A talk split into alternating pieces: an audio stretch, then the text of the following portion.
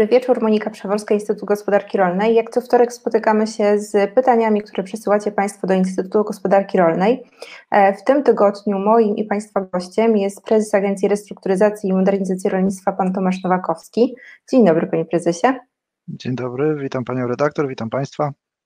E, panie prezesie, tradycyjnie zaczynamy od takiej swobodnej wypowiedzi, takiego lekkiego sprawozdania na temat tego, co w Agencji Restrukturyzacji i Modernizacji słychać, no bo to interesuje wszystkich rolników. W agencji y, można powiedzieć, że zawsze dzieje się dużo. E, zacznę y, od sytuacji, y, od stanu pandemii, dlatego że co prawda on ciągle występuje, ale mimo wszystko my znaleźliśmy rozwiązanie w tym wszystkim, w jaki sposób działać i funkcjonować, żeby wypełniać swoje zadania. Przez ten cały czas, a szczególnie okres marcowo-kwietniowy, praca nasza była stosunkowo utrudniona. Mieliśmy też taki okres czasu, kiedy e, zamykaliśmy nasze jednostki po to, żeby unikać bezpośredniego kontaktu e, pomiędzy nami a, a rolnikami, żeby nie eskalować problemu rozprzestrzeniania się koronawirusa. Znajdowaliśmy inne sposoby na to, w jaki sposób, e, inne sposoby, jak działać, żeby docierać z wnioskami, z, z informacją e, do rolników. Tego cały czas się uczyliśmy. Oczywiście powstały procedury. W tym momencie one obowiązują. E, I pomimo to, że otworzyliśmy się już w tym momencie, agencja funkcjonuje zupełnie normalnie, nic się nie zmienia. Może pod tym kątem, że dodatkowo cały czas funkcjonuje wrzutnie dokumentów. Jeżeli ktoś życzy sobie złożyć dokumenty za pomocą tych wrzutni, żeby nie mieć kontaktu z pracownikiem, to jak najbardziej dalej można, ale te, tak naprawdę ten stan e, epidemii wymógł na nas również e, zmiany kanałów dystrybucji informacji, wniosków, e, uzupełnień. To, to, to jakby się zmieniło i to już raczej jakby ta stara ścieżka działania, ona wydaje mi się, że ona już nigdy nie wróci. Nie chciałbym, żeby wróciła dlatego że e, czy kanały na przykład ePUAP-owe, mailowe, e, wszystkie e, na przykład komunikatory różnego rodzaju, które wprowadziliśmy, które działają, no one są dobre. Dodatkowo praca zdalna, która została wprowadzona, również jest rozwiązaniem bardzo dobrym, który, które, od którego nie chciałbym odchodzić, bo okazuje się, że wiele departamentów, wiele wydziałów, biur, agencji funkcjonuje bardzo dobrze na pracy zdalnej, jakby nie, nie ma konieczności, żeby e, pracownicy byli na miejscu, e, bo spokojnie, dobrze, a nawet lepiej realizują swoje zadania, e, będąc u siebie w domach, pracując na agencyjnych systemach, agencyjnych komputerach, czasem na swoich prywatnych, różnie to jest. W każdym razie kwestia bezpieczeństwa na pewno tutaj jest zapewniona, więc tutaj wyciągnęliśmy pewne wnioski. E, wracamy już jakby do normalnego stanu funkcjonowania, e, ale mimo wszystko nie rezygnujemy z tych rozwiązań, które były przewidziane do tej pory. Dlatego płynnie przechodzę do kolejnego tematu, e, ponieważ w dniu dzisiejszym odbyły się pierwsze krajowe, pierwszy krajowy webinar związany z dotacjami dla, dla, dla rolnictwa. Ten webinar został zorganizowany wspólnie z zespołem parlamentarnym do spraw wspierania przedsiębiorczości. To taka nasza wspólna inicjatywa. E, okazuje się, że dzisiaj po tym e, webinarze, bo tam też mamy możliwość zadawania pytań, mieliśmy tą interakcję. Ja sam odpowiadałem też na pytania, które były zadawane bezpośrednio ze strony naszych, naszych rolników, czy też innych uczestników tego spotkania, więc jestem tak pozytywnie zbudowany, bo e, i dużo uczestników tego webinaru, e, ale też e, taka inicjatywa oddolna związana z propozycją zmiany przepisów na przykład, więc oczywiście chętnie to wszystko zbierzemy razem i spróbujemy przekazać do, do ministerstwa po to właśnie, żeby spróbować wyciągnąć z tego wnioski. Może, może udałoby się wprowadzić coś, co, co tym bardziej wpłynęłoby pozytywnie na realizację programów. Dokładnie tak. No wszystkim zależy nam na tym jednak, żeby rolnicy w jak największym stopniu sięgali po te pieniądze. E, ja faktycznie dzisiaj załapałam się na kawałek e, spotkania, które e, pan prezes otworzył i faktycznie naprawdę bardzo ciekawa inicjatywa. Widać, że rolnicy byli bardzo zainteresowani i naprawdę bardzo uważnie słuchali, ale przede wszystkim wielu z tych rolników w warunkach standardowych nie zdecydowałoby się jednak na to, żeby poświęcić tyle czasu i mm, pojechać do najbliższego miasta, do jakiegoś powiatowego, powiatowej agencji restrukturyzacji i modernizacji rolnictwa, a tutaj jednak wielu z rolników miało Zooma na telefonie, i wykonując swoje normalne obowiązki, jednak uczestniczyli w tym spotkaniu i są dzięki temu na bieżąco.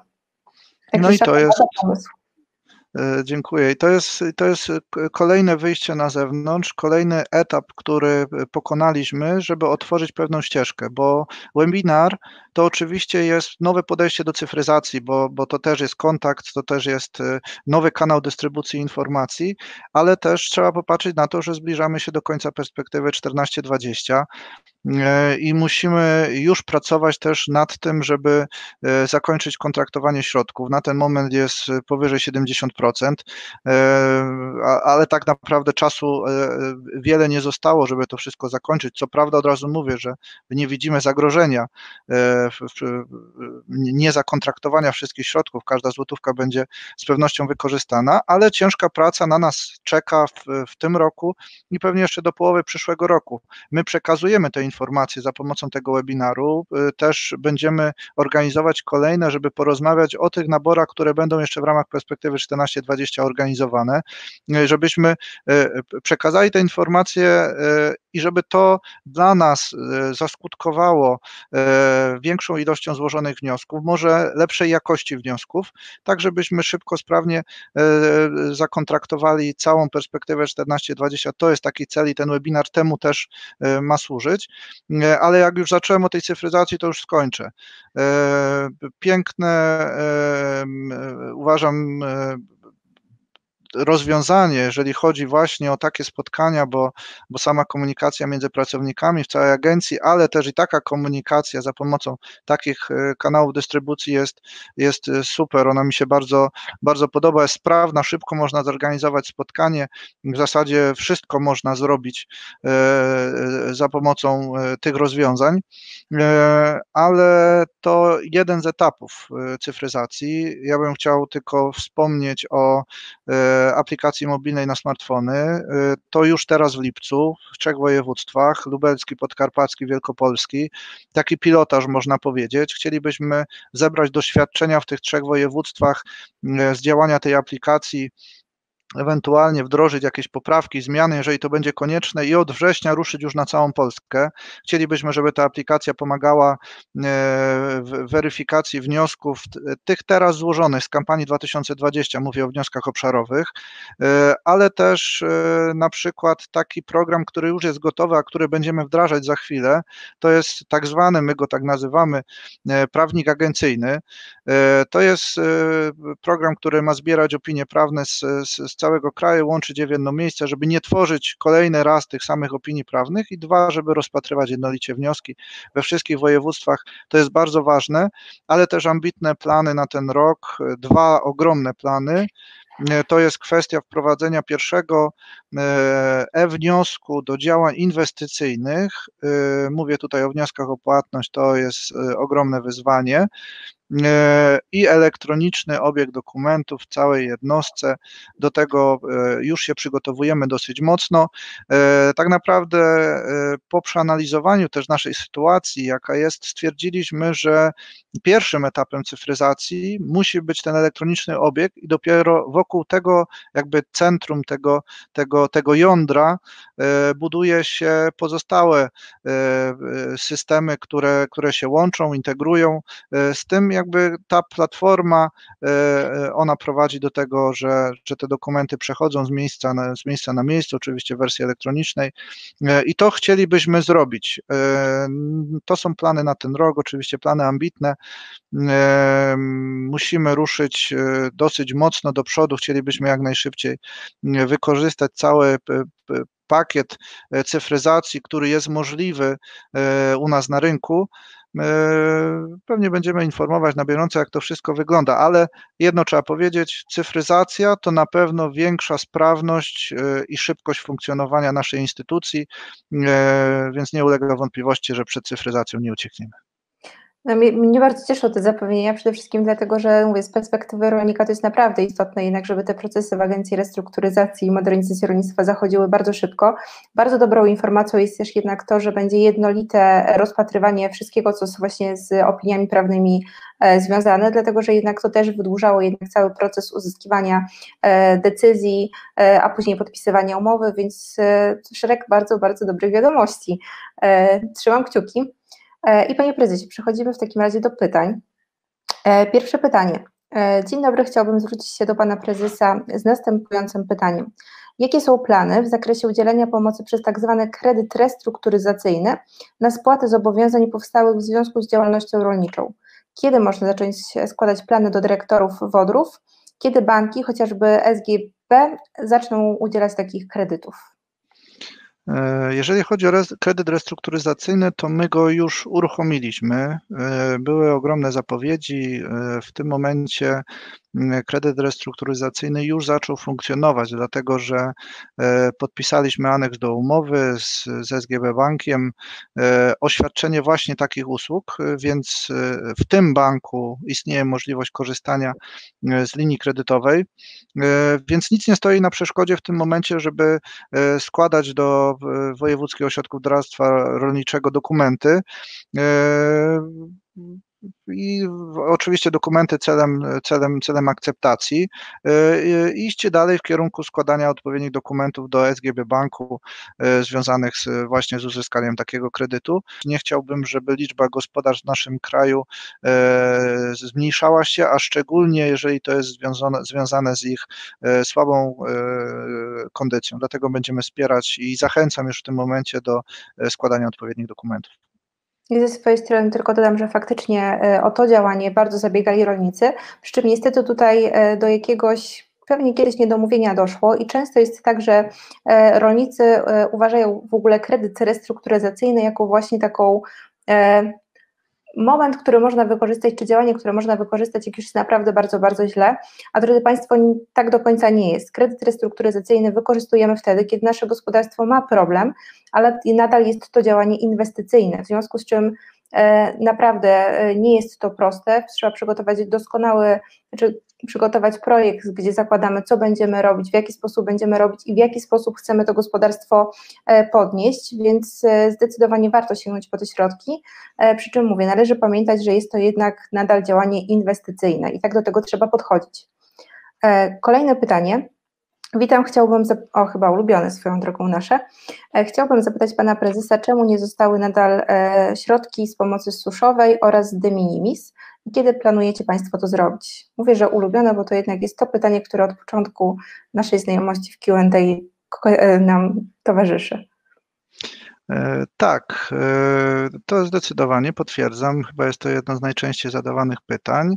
E, ale trzeba w związku z tym pytaniem powiedzieć kilka rzeczy, bo sytuacja e, od czasu, kiedy e, prowadziliśmy wcześniej rozmowy, a do teraz znacząco się zmieniła. Mówię tutaj globalnie o pomocy suszowej. Na ten moment można powiedzieć, że wszystkie płatności publiczne zostały wypłacone.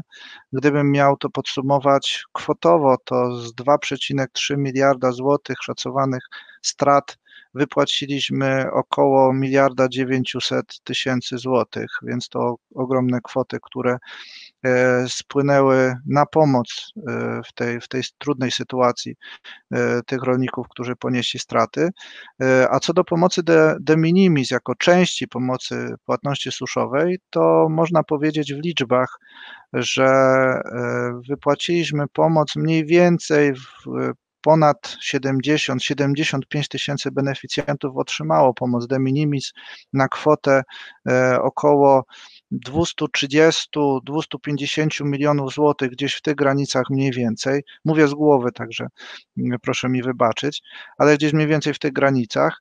E, I to też są duże pieniądze. I e, można powiedzieć wprost w tym momencie, że do wypłaty nam pozostało jeszcze w granicach 400 milionów złotych. I to jest e, te 400 milionów to już jest wszystko, co pozostało nam jeszcze do wypłaty w ramach pomocy w ogóle suszowej. Więc to, to jest jest ta cała kwota. E, jednak e, to nie jest to wszystko takie proste. E, trochę z jednym się nie mogę pogodzić, dlatego że e, my te, tymi pieniędzmi na wypłacenie pomocy de minimis my dysponujemy, te 400 milionów jest dostępne. Tak naprawdę moglibyśmy je e, już w tym, w tym momencie wypłacić, jeżeli w, w, w, w takich dobrych dniach my jesteśmy jako agencja w stanie wypłacić 150-170 milionów w jeden dzień, to tak naprawdę okazuje się, że, że tak naprawdę w, w 3-4 dni bylibyśmy w stanie wypłacić te, te, te 400 milionów.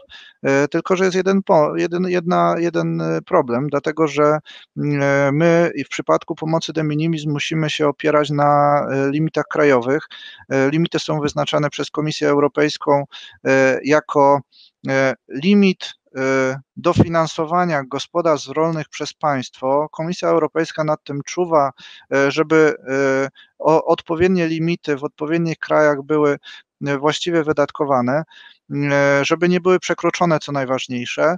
E, to jest taki mechanizm, mechanizm sterowania e, dofinansowaniem rolników, żeby któreś rolnictwo któregoś kraju nie stało się bardziej konkurencyjne niż inne, więc to jest taki mechanizm, który, który funkcjonuje, jest sterowany przez, przez Komisję Europejską i niestety pomimo wystosowania pisma do Komisji Europejskiej o zwiększenie limitu pomocy de minimis o 100 milionów euro, to jest właśnie te 400 milionów milionów, ponad 400 milionów złotych, nie dostaliśmy zgody na to, e, żeby ten limit pomocy zwiększyć. E, skutkiem, gdybyśmy przystąpili do wypłaty pomocy de minimis bez zwiększonego limitu, skutkiem tego byłoby to, że e, no, mielibyśmy problem, bo, bo nie możemy zwiększyć, wypłacić więcej niż ten dostępny limit roczny. E, dlatego też w tym momencie e, szukamy e, innych rozwiązań, szukamy alternatywnych rozwiązań, nawet pod tym kątem, że te pieniądze są, więc jak najszybciej próbujemy znaleźć rozwiązania takie, żeby w takiej czy w innej formie, bo tu jakby jest może mniej ważne, w jaki sposób wpłyną te pieniądze do, do rolnika, ważne, żeby one po prostu wpłynęły. Te pieniądze mamy, szukamy w tym momencie ścieżki na to, żeby e, pomijając w ogóle pomoc de minimis, jakby nie korzystając z niej, spróbować dofinansować te gospodarstwa, e, które e, no, utraciły, nie wiem, mają problem generalnie w, w wyniku suszy. I tak jak mówię, pieniądze są, więc jest kwestia tylko znalezienia tej alternatywnej ścieżki. Oczywiście e, ministerstwo bardzo mocno w tym momencie pracuje nad tym, już pierwsze pomysły na e, odpowiednie przepisy są, e, więc myślę, że na kolejnym spotkaniu już będę w stanie przekazać informacje już potwierdzone, jak to będzie wyglądać w rzeczywistości z tą pomocą. Dopóki nie ma tych dokumentów takich zatwierdzonych, to nie chcę tych informacji przekazywać, bo jest jeszcze jeszcze na to zbyt wcześnie. Tym bardziej, że tutaj warto wspomnieć, że to też nie jest tak, że praca w Ministerstwie Rolnictwa e, trwa i tyle. Wystarczy, że tam zostaną jakieś dokumenty opracowane, tylko niestety Komisja Europejska musi każdy z tych dokumentów zatwierdzić tak, żeby właśnie Polska nie została obarczona e, takim mianem takiego kraju, który stosuje właśnie niedozwoloną pomoc publiczną, bo niestety za takie sytuacje są ogromne e, sankcje nakładane na cały kraj i wtedy faktycznie byłaby realna pewnie jednak obawa przed tym, czy, by, czy nie utracimy jakichś środków e, publicznych, na przykład w ramach e, WPR-u. I kolejne pytanie, jeżeli chodzi w ogóle o WPR. Przede nami końcówka środków starego WPR-u. Jak w praktyce będzie wydało jej wydatkowanie? Na jakie nabory jeszcze możemy liczyć? I czy w dalszym ciągu e, będą one trwały? Do którego momentu? Jeżeli tak, to kiedy będziemy skorzystać do, ze, stare, ze starej puli środków? E, tak jak mówiłem, mamy w tym momencie zakontraktowane powyżej 70% programu rozwoju obszarów wiejskich 14-20. E, w tym roku jeszcze planujemy szereg naborów. E, może wymienię tylko kilka, które są planowane. E, żeby mi nie uciekło, bo ich jest sporo. E, na pewno planujemy e, rozwój usług rolniczych. Z tego co pamiętam, to mamy wrzesień. Ciągle jeszcze mamy nabór na młodego rolnika do końca sierpnia. Do 20 lipca mamy nawodnienia obszar M, modernizacja gospodarstw rolnych.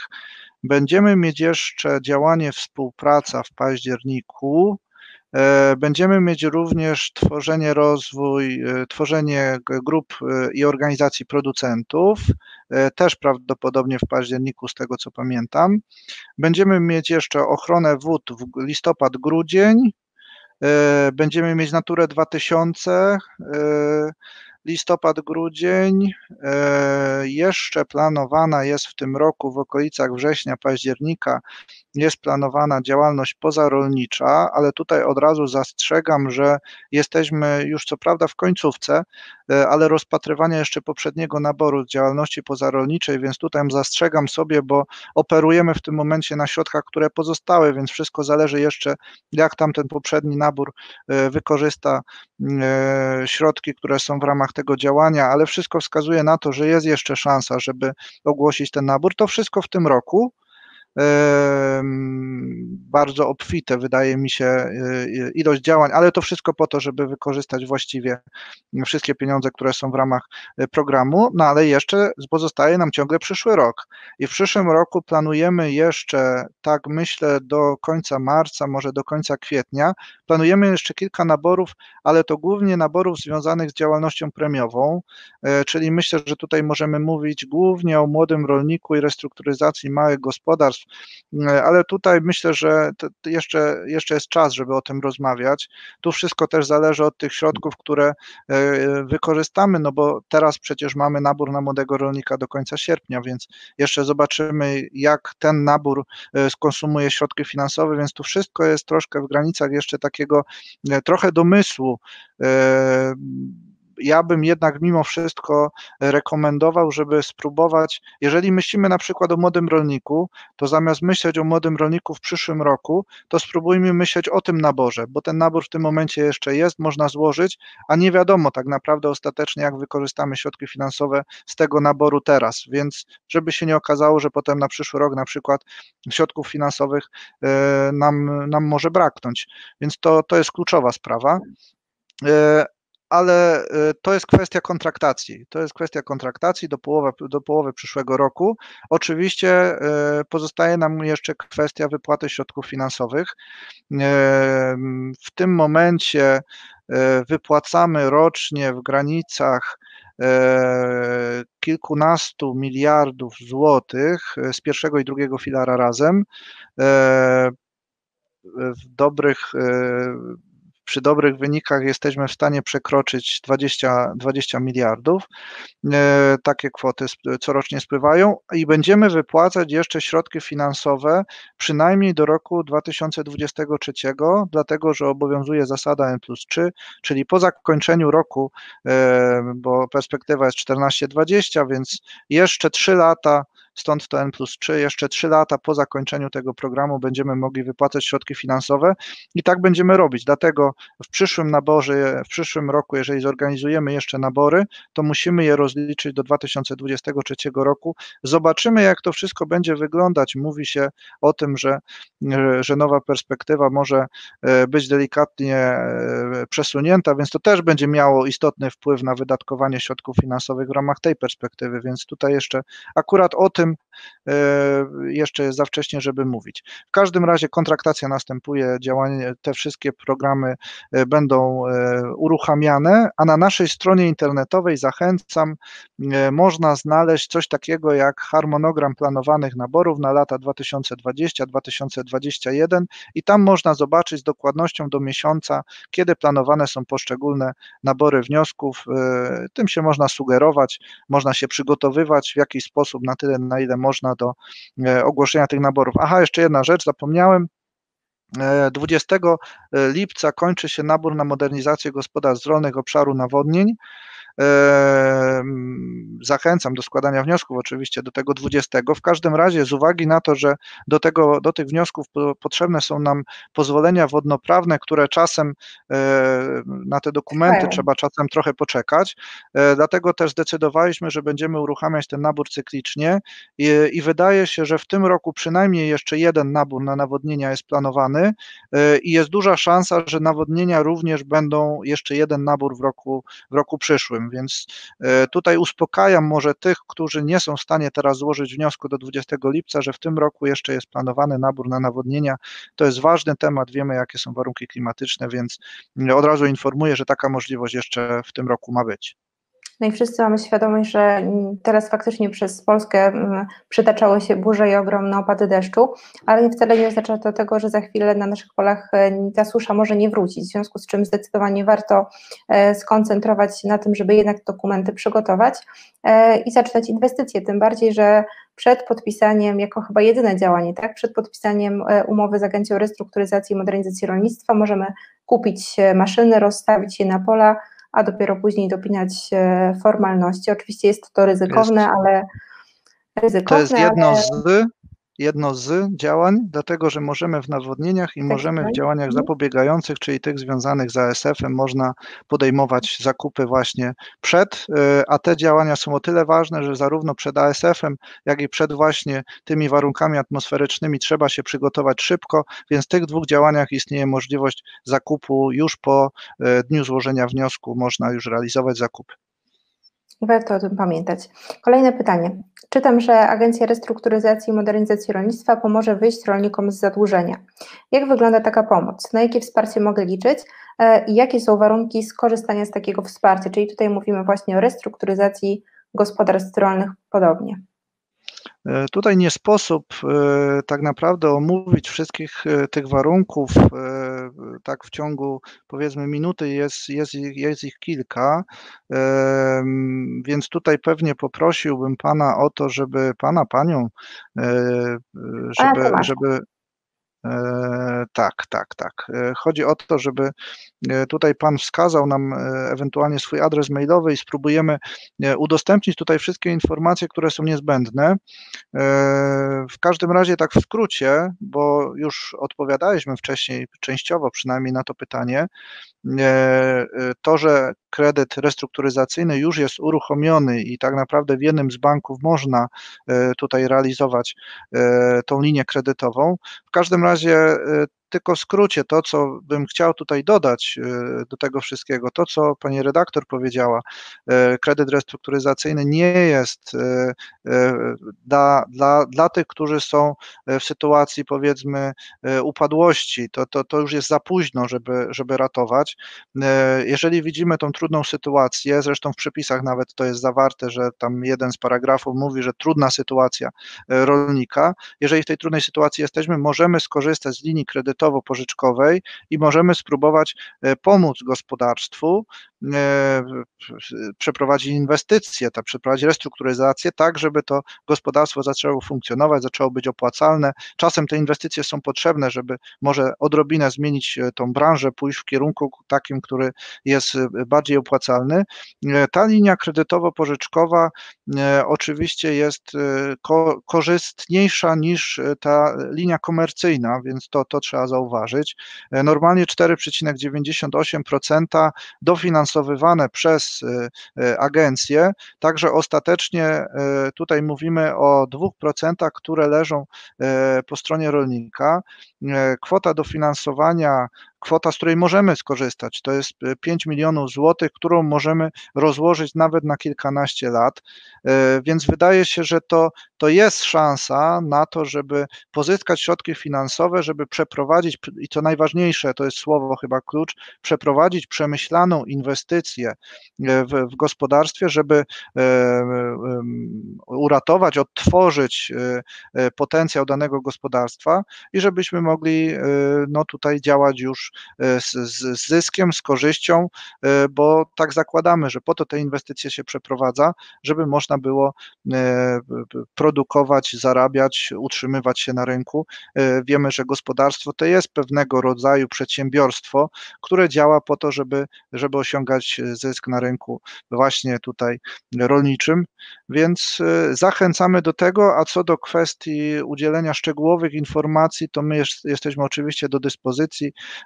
Panią redaktor, bardzo bym prosił o jakiś adres mailowy i oczywiście taką informację w pigułce jak najbardziej przekażemy tutaj ze strony, ze strony centrali i, i żeby ta świadomość po prostu po stronie ewentualnego inwestora również się znalazła. No, słowo inwestora brzmi chyba najbardziej trafnie. E, kolejne pytanie. E, ma do nas trafić milion złotych w ramach wsparcia po pandemii. Czy wie Pan już w jaki sposób i kiedy trafią do nas te środki? Jakie gospodarstwa mogą liczyć na te pieniądze i czy będą to jakieś dopłaty, kredyty, czy jakaś coś na styl modernizacji? Hmm. E, no i właśnie wydaje się, że e, to jest siła tego naszego dzisiejszego spotkania, dlatego że e, normalnie jakby w przestrzeni publicznej funkcjonuje dosyć mało jeszcze informacji, jeżeli chodzi akurat o to działanie. My bardzo mocno nad nim w tym momencie akurat pracujemy. Jesteśmy w trakcie, ministerstwo jest w trakcie tworzenia przepisów, my jesteśmy w trakcie wykonywania odpowiednich systemów informatycznych do tego, żeby to działanie obsłużyć.